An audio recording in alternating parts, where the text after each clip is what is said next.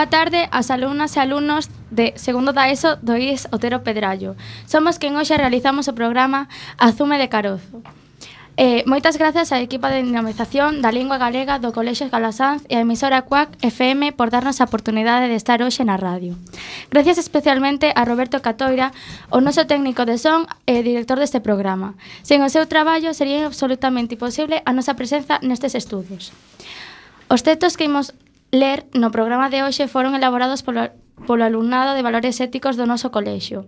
En representación de todas eles e elas, estamos aquí Nour Bubequer. Hola, buenas. Jenny Acosta. Boas tardes. Álvaro de Besa. Boas. Samuel Domínguez. Hola, boas tardes. Daniel Maderuelo. Hola. Hugo Mendoza. Boas tardes. Carla Novo. Hola. Aitana Ramallo. Hola. Jorge Ramírez. Boas tardes. Álvaro Santa Lucía. Hola, boas tardes. Julián Seijas Breijo. Hola, buenas. Eriz Vázquez. Buenos días.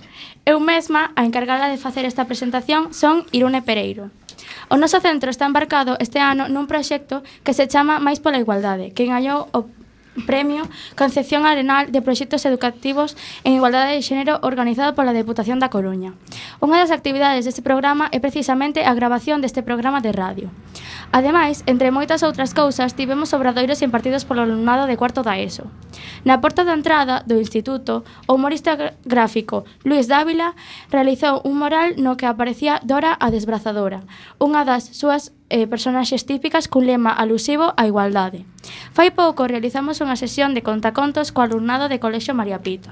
Eu máis marín o conto O País dos Mandóns. E temos en marcha un concurso de logo para o proxecto aberto a toda a comunidade educativa e animamos a todo o alumnado do centro, máis tamén profesoras e profesores, nais e pais, a que se presenten se teñen algún deseño chulo para o logo do proxecto. A loita pola igualdade de xénero é tamén coñecida como feminismo. Hai malos entendidos debido a que a xente pensa que o feminismo é a superioridade das mulleres, pero o que verdadeiramente persegue o feminismo é a igualdade entre os homes e as mulleres, nada máis que a igualdade. O 8 de marzo celebrouse o Día Internacional da Muller.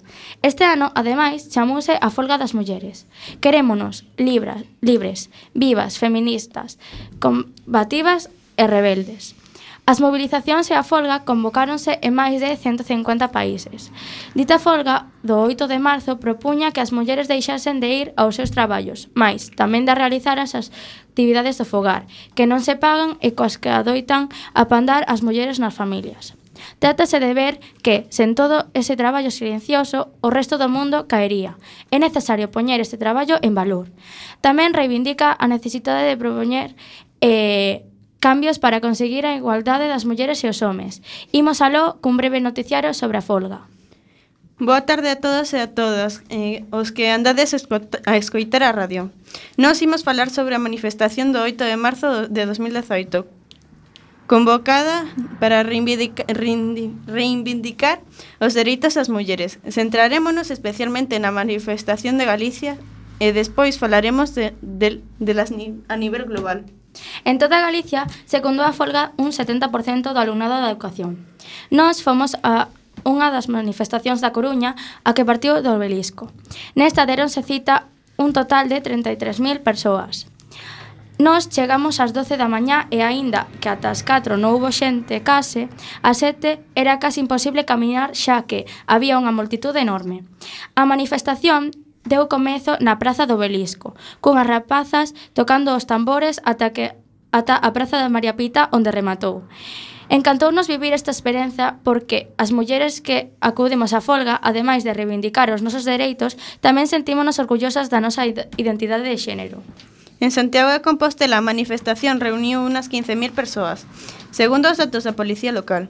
A manifestación rematou na Praza do Obradoiro, Tanta xente había que cando a cabeza da manifestación chegou ao lugar de conclusión, aínda había xente saindo de, do punto de inicio. O lema máis goreado de Santiago foi iguais e libres. Eh, a concentración galega que máis xente reuniu foi a de Vigo, onde se xuntaron un, unhas 45.000 persoas. As máis delas mulleres baixo o lema se nos, se nos paramos, o, pa, pa, o mundo para. E estas foron as manifestación de Galicia nas que se concentraron máis xente. Agora imos falar delas a nivel español, nas cidades máis significativas. En Madrid houve un total de 170.000 persoas, entre elas mulleres, e todas as cidades numer eh, das to de todas as cidades e numerosos homes. Gritaban entre outras frases como Madrid será tumba do machismo. Non e eh, non e, ademais, é violación. A manifestación percorreu as principais rúas do centro da cidade e pasou principalmente pola Praza de España, Gran Vía e o Paseo, o paseo do Prado. Eh, unha onda de bandeiras moradas recorreu recorreu as rúas de Barcelona o pasado 8 de marzo. Había dende señoras xubiladas hasta estudantes universitarias. As pancartas de Corlila levaban escritas lemas un pouco polémicos como machete ao machote e outros que facían referencia á violencia sexual que sofren as mulleres como de camiño a casa quero ser libre e non valente. Tamén se referían aos estereotipos que transmiten os medios de comunicación dominantes como non creas a Disney, unha besta non, non se pode convertir en príncipe. Máis de 100.000 eh, persoas participaban na movilización do 8 de marzo en Sevilla. Segundo a xente, polo centro de Sevilla non se podía camiñar e había unha morea de mulleres chorando e emocionadas. Estaban orgullosas de ter tempo de ver como cam cambiaba a percepción das mulleres sobre a loita polos seus dereitos. Somos o grito dos que non teñen voz. Era a frase que resoaba nas rúas, a máis repetida polos manifestantes de Bilbao. Houbo tambores, oíronse chifres, cae algunha que outra bagua. Moitas bailaron, todas aplaudiron. As que estaban vivas abrazáronse e gritaron en memoria das asesinadas. E así, entre gritos e abrazos, as gargantas se quedaron roncas. Bilbao viviu a maior manifestación feminista da súa historia. Para rematar, imos explicar o que convocou convocaban e o que reclamaban as mulleres na folga. Queremos demostrar que sen nós para o mundo, sinalaban as eh, feministas. Era unha folga laboral, en principio, eh, era unha folga laboral, en principio similar a unha convocatoria de folga xeral como dirixida só a metade da poboación.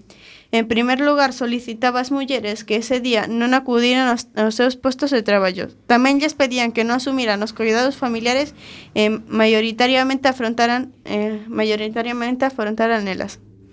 É sabido que as mulleres adican o dobre de, de horas que os homes no, no cuidado da casa, con 26,5 horas semanais, para cuidar fillos ou familiares tarefas domésticas.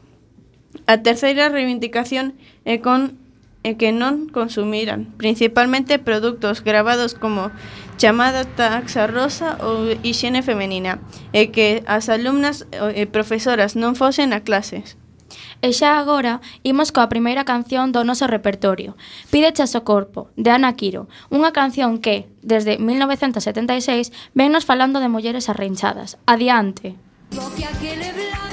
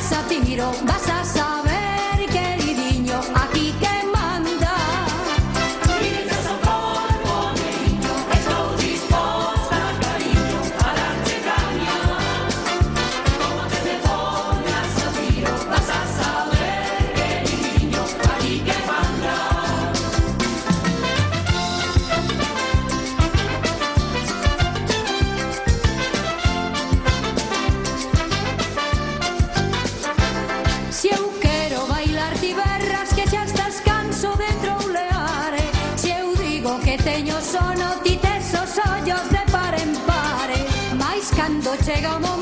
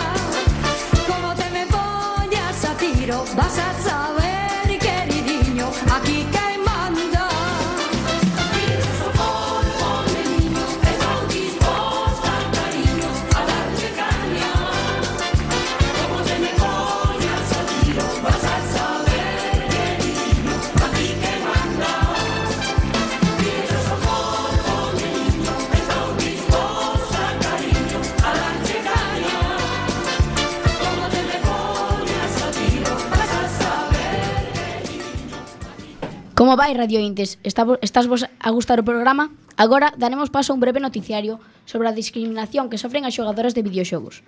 Diante do micrófono estamos Álvaro de Besa e o meu compañeiro Eric Pázquez. Imos coa primeira noticia. Desfaixe o primeiro equipo profesional feminino de deportes electrónicos. No 2004, a compañía de videoxogos que deseñou entre outros o exitoso Assassin's Creed abriu o primeiro equipo de deportes electrónicos, completamente feminino. O equipo chamábase Fractals e tiñen o obxectivo fomentar que as mulleres xogasen profesionalmente sen medo a que fosen preteridas nun mundo de homes. O equipo de mulleres compitiu durante 15 anos e arrasou nos campeonatos de deportes electrónicos probando que elas tamén saben xogar a videoxogos. Case 15 anos despois, retiráronse aducindo que o mundo de videoxogos xa cambiara, que xa non era inusual escoitar a unha muller dicir que xoga videoxogos de maneira diaria. E na verdade, nós pensamos que é unha mágoa que iso sexa mentira. Os estereotipos de xénero seguen, pes eh, seguen pesando en todos os ámbitos e, por suposto, tamén no mundo dos videoxogos. Pode ser, con todo, que a historia vai a cambiar dunha vez por todas eh, de Ryan Maiden, exxogadora profesional do coñecidísimo videoxogo League of Legends, fixo hai poucos meses as seguintes declaracións á prensa. Ver a mulleres involucradas no deport nos deportes electrónicos acabará por ser unha cousa perfectamente normal. Cada ano xogan máis mulleres, e a xa presenza nos equipos de deportes electrónicos medra. Magua, maguame non ser unha delas, pero creo que xa son algo maior, Teño un traballo estable e perdín motivación por competir neses xogos. Tiven no seu momento a oportunidade de estar en primeira liña dos deportes electrónicos, pero non gañaba o suficiente e quitábame moito tempo libre. Estiven a buscar un equipo do meu nivel, pero non logrei atopalo. Ningún dos equipos masculinos estaba interesado en min. Tiven que conformar con compañeiros de peor nivel. Estiven con eles un par de meses e cando vin que non había melloría pola súa parte e que tampouco eu melloraba con eles, marchei. Non sabemos que as mulleres tamén xogan videoxogos. Solo fa só falta que toda a comunidade repare en que xogan igual de ben que os homes. Todo mundo, cando pensa no feminismo, pensa na igualdade salarial, nos traballos, no trato que reciben nas relacións de parella. Todo isto está moi ben, e son aspectos fundamentais nunha sociedade igualitaria, pero ninguén pensa en cousas tan simples como o mundo dos videoxogos. E por iso eh, que eu decidín falar deste asunto aquí, con Bosco e con todas as persoas que escoitan a miña mensaxe e a miña petición. As xogadoras rebelanse contra o sexismo nos videoxogos. O clásico chiste que nos fan é o de mandarnos a pregar. Hoxe, hoxe en día, por desgracia, aínda existen as di a discriminación nos videoxogos modernos. Un 47% dos gamers ou xogadores en España son en realidade xogadoras e a maioría asegura que algunha vez sufriu algún tipo de sexismo, tanto na súa persoa ou no propio contido do xogo. É un acto de valentía por parte de todas as mulleres que se senten discriminadas polas imaxes e seguidas humillacións nas industrias dos videoxogos actuais, que se atreven a denunciar esta situación. Sempre hai que loitar polos dereitos para que as discriminacións a todos os sexos, razas e relixións desaparezca de todo tipo de ambientes, das clases, das empresas, de deporte e tamén dos videoxogos. No mundo dos videoxogos en liña tamén se, ab se abundan casos de discriminación.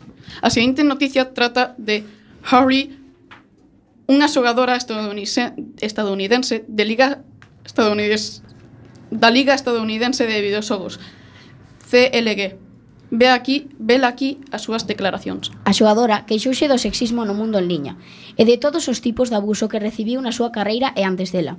Menciona que os comentarios de odio son dirixidos a ela, polo seu corpo e de que sempre lle din que non merece estar na industria de videoxogo simplemente polo seu sexo. As mostras de odio que recibe son constantes. Ela preguntouse moitas veces Por que sigo nisto se a comunidade de gamers odiame tanto? Pois teño claro, porque son unha feminista Porque creo que existe un lugar para as mulleres nos videoxogos en liña Con este panorama estarrecedor son moitas son moi poucas as xogadoras que se atreven a ingresar nun mundo dominado polos homes. Cando fan, non é nada raro que sexan víctimas de acoso polos seus compañeros homes. Falemos agora da desigualdade de salarios entre xogadores e xogadoras de videoxogos. Hoxe en día hai unha enorme diferencia entre as ganancias dos xogadores masculinos e os femininos. O xogador masculino con máis ganancias supera os 2 millóns de dólares, na mentres que a muller que máis gaña non chega nin sequera eh, a cifra de 200.000 dólares. Ultimamente, isto débese á pouca cantidade de diñeiro que poden, que poden gañar os equipos femininos. Apenas reciben o seu apoio dos patrocinadores e teñen moi escaso respaldo dos seus seaeiros. Howley, a xogadora profesional da Liga de Videoxogos, CLG, espera que algún día grandes compañías apoien aos equipos femeninos da mesma maneira que son en que son patrocinados os masculinos. A derradeira noticia que queremos traer a este pequena peza que elaboramos sobre a discriminación no mundo de videoxogos refírese aos estereotipos cos que desde moi pequenos nos veñen insistindo. Por suposto que estes tamén aparecen no mundo virtual. E logo, que esperabades? Desde pequenos estamos acostumados a ver dous tipos de xogos, os terrapaces e os terrapazas. Uns teñen os típicos estereotipos femininos e outros os masculinos. Nos femininos sempre encontramos xogos de coidar o aspecto, de cociña, de limpeza, é algo que non temos que evitar, que temos que evitar para que non se fomenten os estereotipos entre os máis pequenos. Non existen ninguna razón pola cal os rapaces non poidan de xogar a ese tipo de videos, de xogos sen ningún problema nin sen ter avergonzarse de ningunha maneira. Os típicos xogos de chicos adoitan ser os de coches, armas, Son xogos moi violentos, porque se supón que os rapaces teñen que ser brutos. Actualmente, aínda suceden estes casos. As empresas que desenvolven videoxogos crean xogos para o público masculino, con personaxes femininos nos que a apariencia das mulleres responde sempre aos canos de beleza da nosa sociedade. Sempre se resalta as curvas no diseño deses personaxes femininos para atraer ao público masculino, expoñéndoas, vestindoas con traxes que resaltan a súa sexualidade. Aínda así, é un avance que os videoxogos máis recentes como Assassin's Creed teñen un bon número de personaxes femininos que non responden a estes estereotipos. Imos agora con outra pausa para a música que fala de mulleres. Se vos prestar se vos prestan as cancións que estades o escoitando. Lembrade que están dispoñibles na playlist que temos en Spotify. Preguntade por máis pola igualdade. Este é o momento de arder. Unha canción de ataque escampe que fala de ritmos vitais, relosos, visiolos, psicos e rebeldía.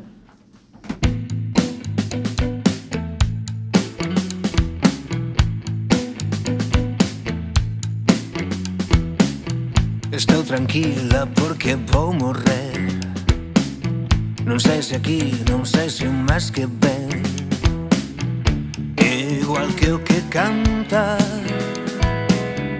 Igual que os que escoitan Parece triste, pero non o é De feito riste cando pensas ben. Das medias que rompen. nuvens que preparam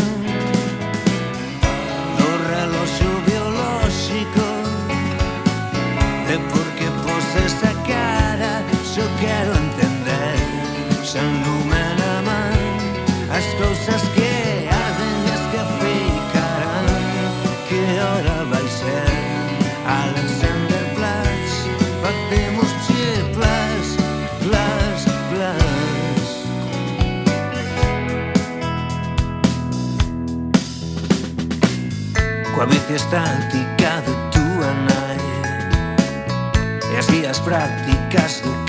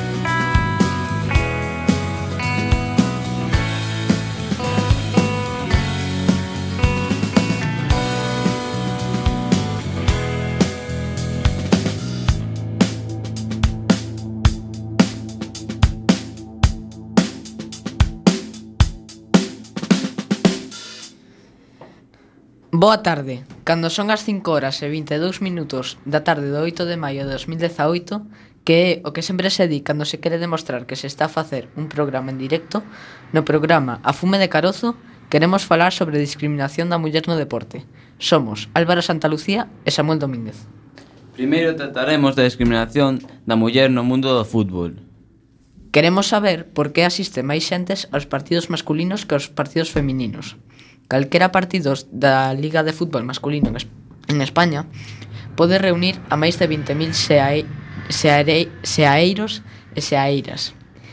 Porén, as cifras máis alta de seaeiros e seaeiras nun partido da Liga Feminina foron 26.000 espectadores que acudiron a San Mamés para ver en directo ao Barça e ao Athletic de Bilbao no ano 2013.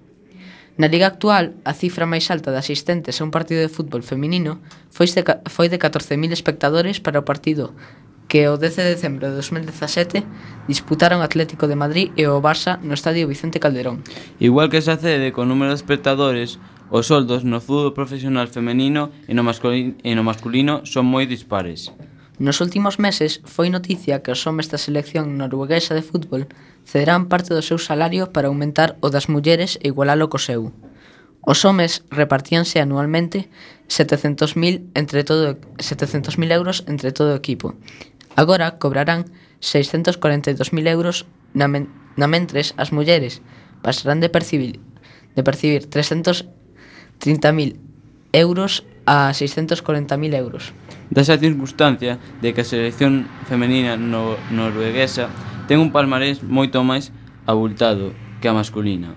A femenina gañou o Mundial de 1995, dúas Eurocopas, as de 1987 e 1993, e un ouro olímpico en Sydney 2000. Ademais, é a 14ª na clasificación da, na clasificación da FIFA. A selección masculina só participou en tres mundiales. Caeu en primeira ronda en, 19, en 1938 en 1994 e en oitavos en 1998. Nada máis estivo nunha Eurocopa, a de 2000, cando caeu en primeira ronda, cando caeu en primeira ronda. Na clasificación da, fi, da FIFA son o 72º equipo do, no mundo.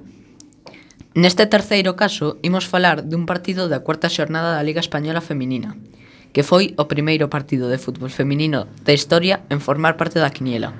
En líneas xerais, O fútbol femenino está medrando moito en todo o mundo.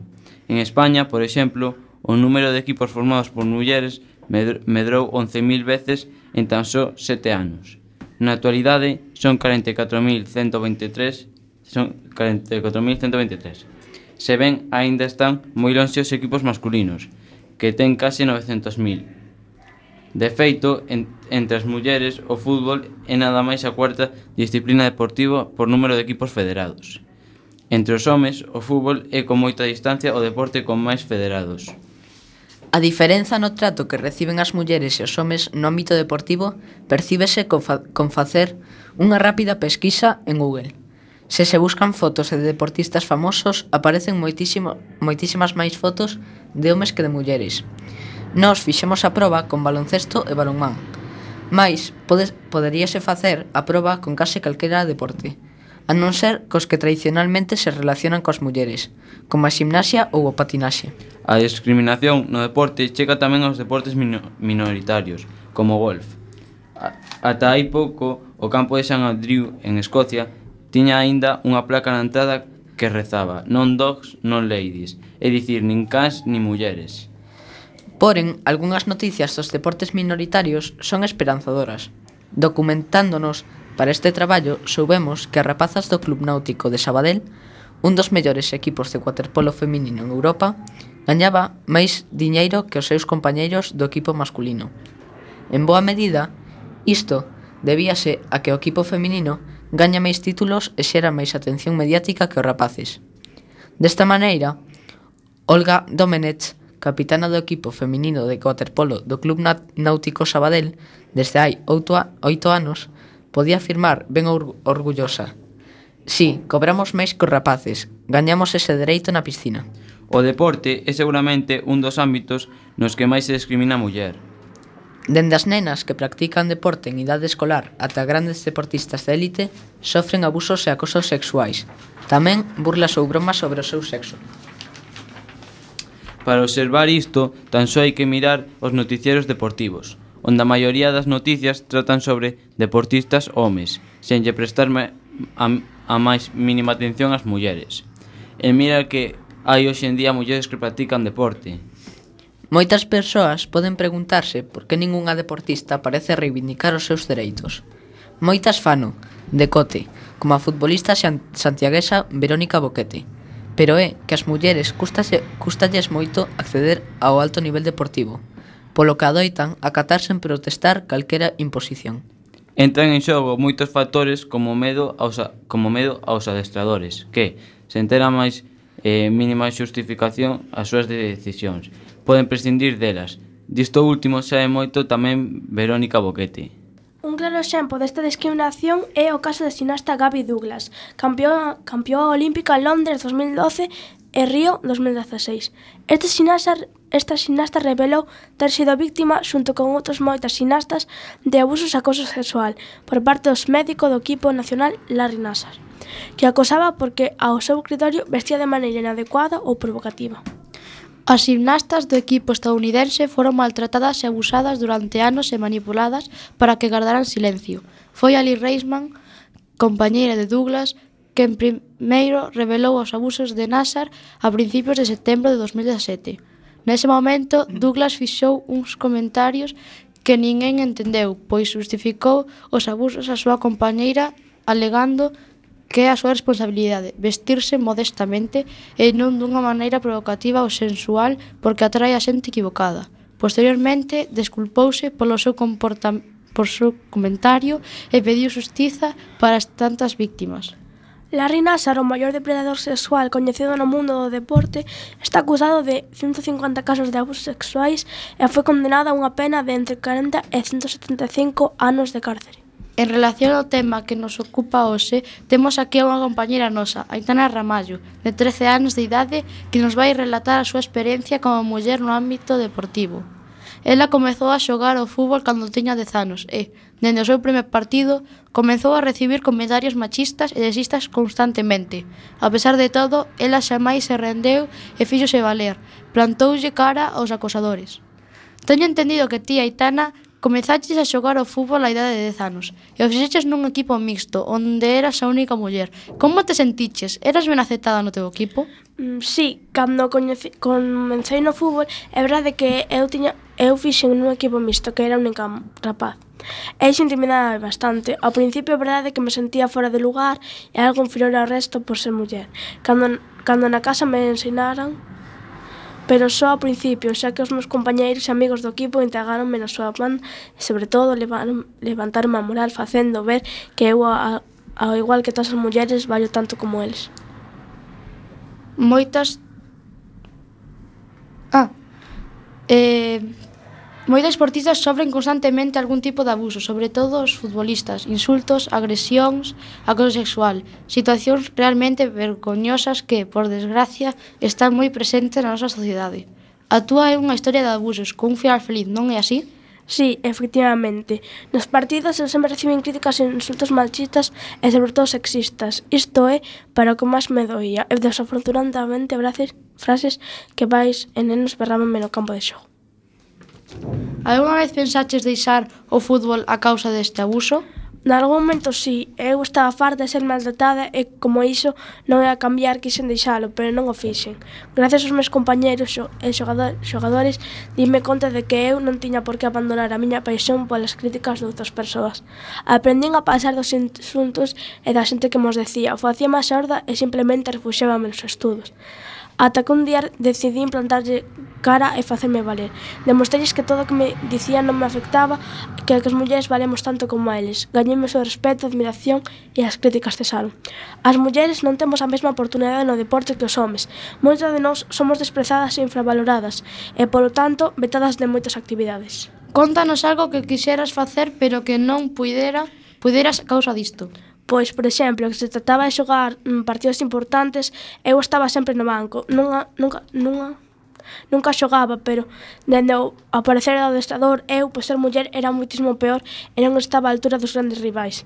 Isto cambiou cando por fin demostrei os meus dotes. E por último, unha mensaxe para todas aquelas mulleres deportistas que están sendo discriminadas no seu deporte. Que nunca se rindan, que lles importan as críticas, que non lles importan as críticas e os desprezos. Que eles son moi boas as mellores e que teñen que creelo porque o son. Que xa máis se crean o que din de, el, de elas porque é totalmente mentira. Que xa máis deixen de, de quererse e, ou comecen a menosprezarse o que nunca perdan as gañas de a forza. Moitísimas grazas, Aitana, por vir e contarnos a túa historia. Encantada de terte aquí ata a próxima volta. Damos paso á canción Isto é o amor, de Caxade. Se vos gustan estas músicas, podedes prendelas na listaxe de Spotify e tamén en Youtube buscando sempre por máis pola igualdade. Thank you.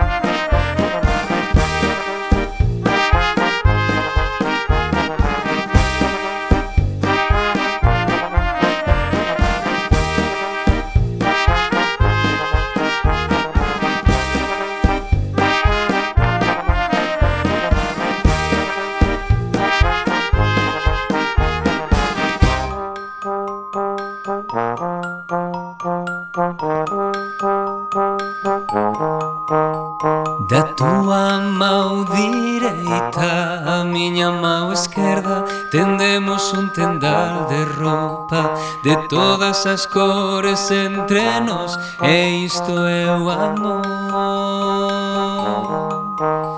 Erguemos os brazos e coa roupa o vento Vamos camiñar, secar a roupa o sol.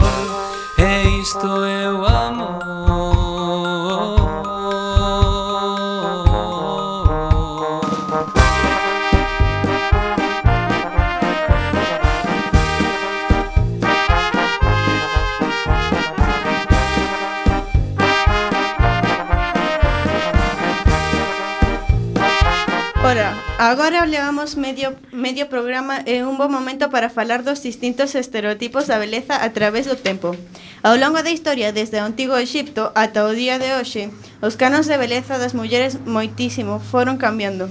Se un se unha cultura espe, es, apreciaban a pel morena e o pelo escuro. Outras destacaban pe, pola pel clara e o pelo rubio. Os canos da beleza en, e, e sería También muy inter interesante deterse nos canóns masculinos. Foron cambiándose en función das necesidades das distintas sociedades, converténdose nunha pesada carga para as persoas que os padecían e padecen. Comenzamos este repaso por Exipto. O canon de beleza nesta época para as muxeres marcaba que a muller ideal debía ter a pel negra e o cabelo escuro. Respecto da forma do corpo, debían de ser delgadas e de estatura alta e con ombros anchos. Coa maquillaxe intentaban conseguir unha cara simétrica. Na antigua Grecia, a muller era considerada unha versión desfigurada do home. O canon de beleza ideal ideal era dos homes atléticos que, com que competían nos Xogos Olímpicos. As mulleres consideradas lindas debían de ter pel clara e unha boa estructura, estatura. Nas Atenas dos séculos 5 a.C. levaba o cabelo curto eh, na men Na mentres e maquillaje eran moi sinxelas. Preferían os corpos anchos e unha cara robusta como se si tivesen eh, trazos masculinos. Na China da dinastía Han, contra o século II a.C., a muller debía ter, por suposto, trazos asiáticos. É dicir, a pel pálida e o pelo negro e longo, sempre atado cunha cola de cabalo. Dábanse pos brancos na cara, como se fosen bonecas de porcelana. Pintaban os beizos de vermello intenso e dábanse moito colorete nas meixelas. A idea era que parecesen moi delicadas. No Renacemento italiano, na altura do século eh, 15, a muller perfecta era de corpo moi ancho, pel moi branca e cabelo Cabelo rubio, rizado e longo. Tiñan a cara redonda e maquillaje que lucían de, debido a de ser sinxelas. Esa era o tipo de muller que se popularizara en pinturas como O nacemento de Venus do, do pintor florentino Sandro Botticelli. Na Inglaterra vitoriana entre os séculos dezanove e vinte as mulleres considerábanse atractivas cando tiñan corpo ancho e ben redondo. A pel debía ser moi branca, que contrastaba co cabelo negro en, pedes, en peiteados extravagantes. Para realzar a súa capacidade como nais debían ter un peito xeneroso e a cadeira ancha. Para resaltar ainda máis o peito e a cadeira poñían corsés que lle oprimían especialmente a cintura e dificultaban os seus movimentos. Chegou ao final da Primeira Guerra Mundial e con, con ela os anos 20, anos de gran expansión económica. Fartos a muller de Inglaterra vitoriana, a moda de, decidiu que a muller ideal fose delgada e prácticamente sen peito. O cabelo ben apraciado era o de cor café oscuro. De cor café oscuro. Maquillábanse de maneira moi exagerada os ollos e eh, beizos de tal maneira que case pa Parecían Mónicas. Na actualidade, o canon de beleza ideal entre as mulleres remítenos ao mítico 90-60-90. Isto leva a mulleres excesivamente delgadas. Son moitas as modelos de pasarela que teñen denunciado que en moitas ocasións teñen que seguir estritas dietas para cumprir cos exigencias dos diseñadores e que son rexeitadas a pouco que engorden. Moitas delas afirmaron ter sufrido trastornos de alimentación, como anorexia. Iso sí, por fin está de moda que as mulleres estean morenas. Se no pasado só estaban torradas polo sol, as mulleres traballadoras e as mulleres ricas prezábanse da súa pele branca. Hoxe todo o mundo, homes incluídos, ten que lucir un moreno espectacular. Imos cunha nova pausa para a música. E agora unha muller coa forza de mareas, Mercedes Peón e o seu ajarrete.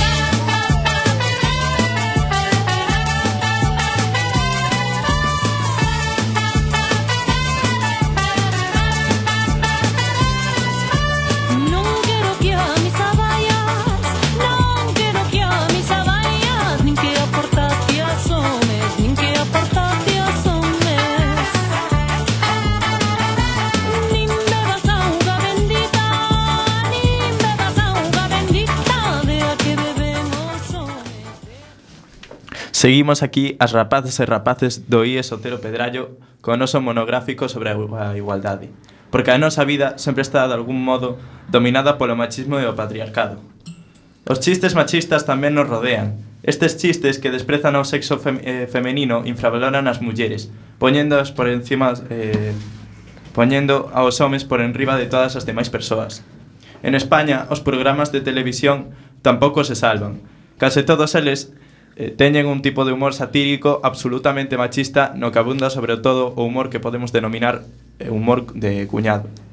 Son chistes eh, ditos típicos de tempos recuados, que deberían ter sido eh, abandonados moito tempo atrás. Tamén son habituais as modificacións no ton da fala. Os presentadores adoitan falarlle as mulleres como se non entendesen absolutamente nada e ao home de maneira normal. Como por exemplo, eh, moi, des moi destacable, podemos eh, poñer a entrevista no programa de Antena 3 El Hormiguero. O presentador Pablo Motos fixolle unha entrevista a cinco mulleres protagonistas da serie, Las chicas del cable.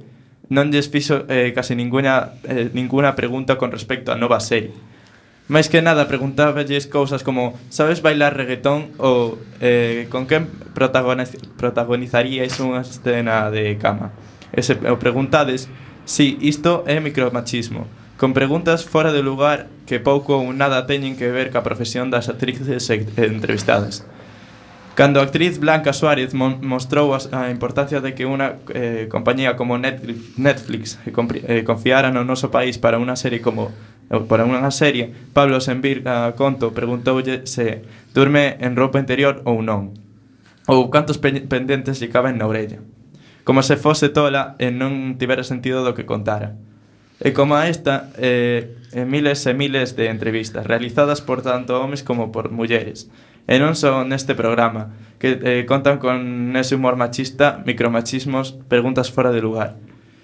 En as series eh, non é menos. Miles de series foi, foi moi recoñecidas e famosas teñen contidos machistas. Creo que casi todos coñecemos a serie Dous homes e medio, Esta serie tiña un humor sexista, machista e chistes subidos de ton, case en cada capítulo da serie.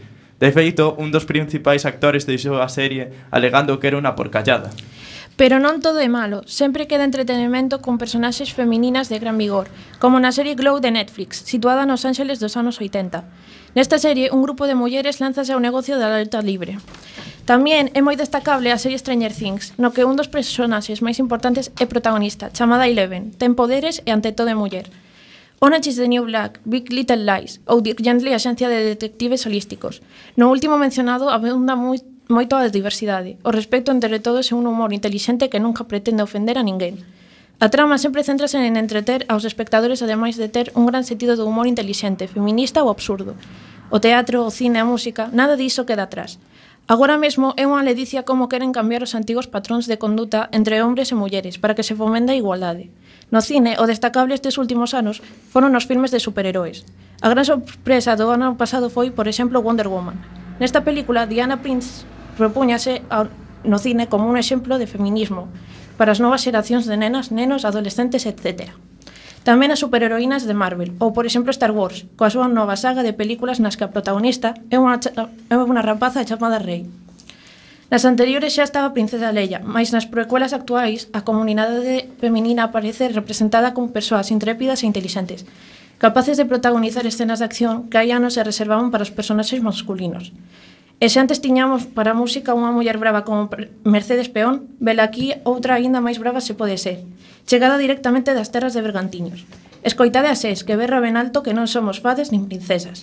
En conclusión, nada está perdido. Pouco a pouco imos avanzando. Está ben prescindir da discriminación no humor. Para entreter ou divertir a xente, a xente non hai que facer sentir mal a metade da humanidade. O humor sempre debe tratar de facernos empatizar cos demais. Thank you.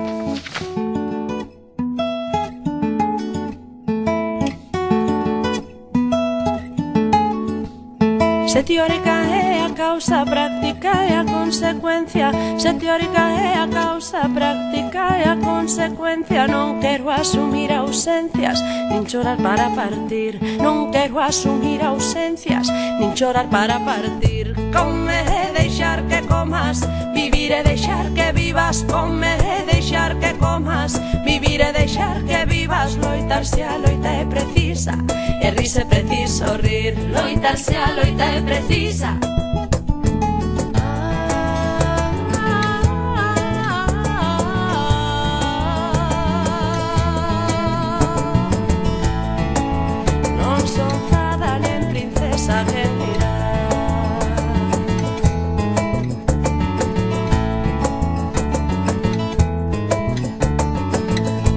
sei cobrar cando estimo Nen doce non quero dar Non sei cobrar cando estimo Nen doce non quero dar Quero falar e falar Sen dar nada por ouvido Quero falar e falar Sen dar nada por ouvido Camiñar cos pés no chan Negar deuses asasinos Camiñar cos pés no chan Negar deuses asasinos Non crerse en ver dubidar Confías son los sentidos, aunque sen verduvidad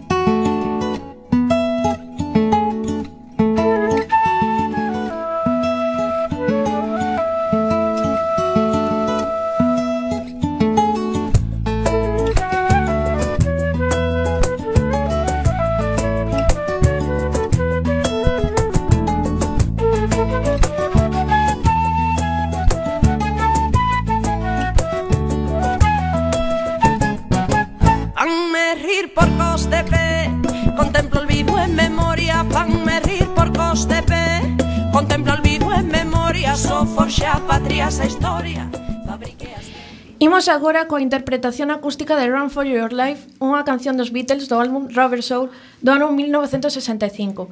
Vai na tocar a guitarra Julián Seijas. A canción foi composta por John Lennon a partir dunha frase dunha canción de Elvis Presley que impresionou moito a Lennon cando era adolescente. Esa frase dicía, I would rather see you dead, little girl, than to be another, with another man. Que traducida ao galego significa, prefiro vertes morta rapaza antes que con outro home. Esa frase sempre estivo na cabeza do músico, cando estaban gravando o Rubber Soul. A banda viuse moi moi apurada coa lista de cancións, así que John Lennon, de maneira moi rápida, retomou esa liña para crear unha canción de claros aires amenazantes e machistas. Precisamente por esta razón Lennon arrepentíase asiña de tela composto e grabado. A letra da canción retrata moi ben esas relacións amorosas en que os celos se volven insoportables para ambas partes da parella.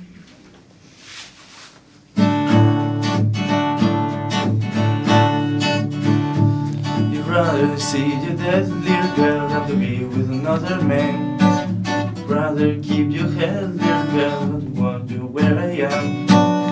Better run for your life, you can, little girl. If and hide your head in the sand, little girl. Got you with another man, that's the end, little girl.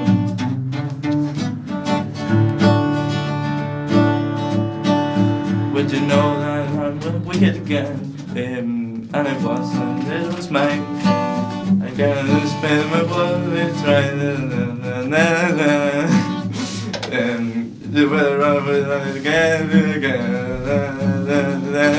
again Um, um, get, na, That's the end, that's little girl da, da, da.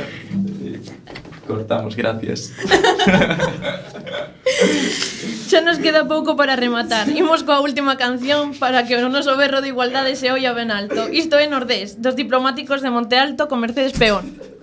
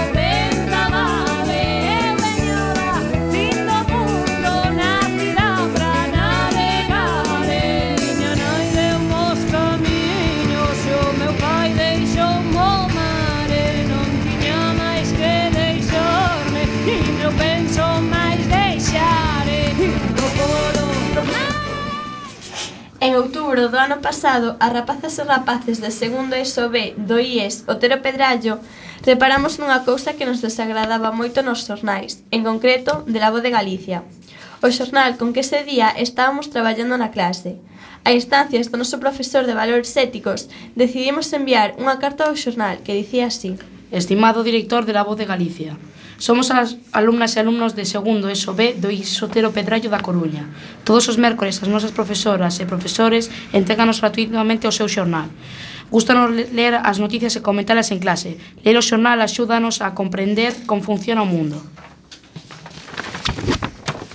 Repasando as páxinas do xornal, contemplamos con indignación as dúas páxinas de sección anuncios breves que conteñen anuncios de contactos. O mércores 25 de outubro contámolos. Eran en total 85 anuncios. E queremos facer lle chegar 25 razóns, unha por cada alumno e alumna desta clase, polas cales pensamos que estes anuncios deberían de ser retirados de calqueira medio de comunicación.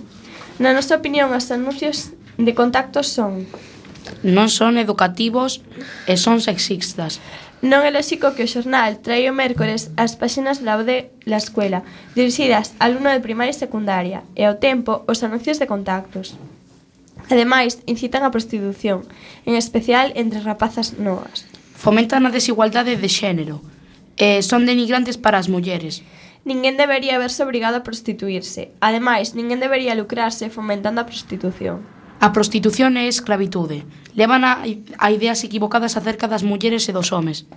Ademais, ocupan un espacio nos medios de comunicación onde poderían figurar contidos máis relevantes, en especial outros que combatesen a desigualdade entre homes e mulleres.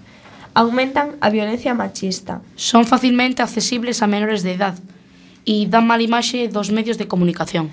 A prostitución é unha actividade asociada ás mafias, o crime organizado, a trata de mulleres e o branqueo dos capitais. Ademais, a prostitución emproveza as familias das persoas que utilizan servizos sexuais. O consumo de prostitución empobrece os valores da nosa sociedade. Tratan as mulleres como se fosen produtos de consumo. Fomentan estereotipos femeninos, en especial aqueles relacionados cos canos de belleza e a idea da muller como unha persoa sumisa e carente de vontade propia. Fomentan os estereotipos masculinos, en especial aqueles que teñen que ver coa hiperabundancia de desexo sexual e coa dominación. Fomentan un estilo de vida de ocio pouco saludable.